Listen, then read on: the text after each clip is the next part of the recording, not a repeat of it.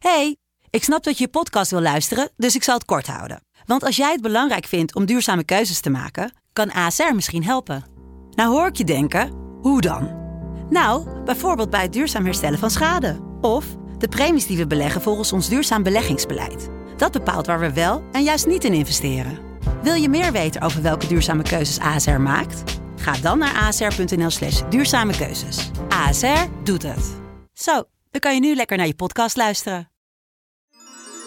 De stroom.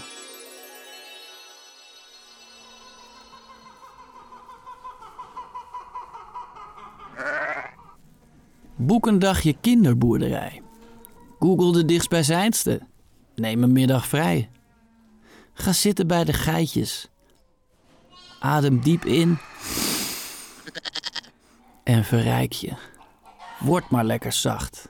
Laat je hart smelten. Omarm je inner softie.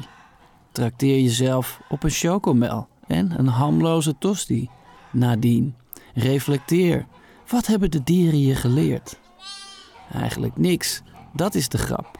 Omdat je stilstond bij iets anders, zijn de inzichten in jou ontstaan. Een paar ogenblikken stilte in een jachtig bestaan. Je luisterde naar professionele tips voor een comfortabel leven. Ik hoop dat je wat aan deze tip hebt gehad. Dat je de boel even de boel hebt kunnen laten. Heb jij zin in nog meer fijne podcast? Luister dan eens naar Vader of de podcast Use J New Emotions. Geniet. Liefs, Pepijn.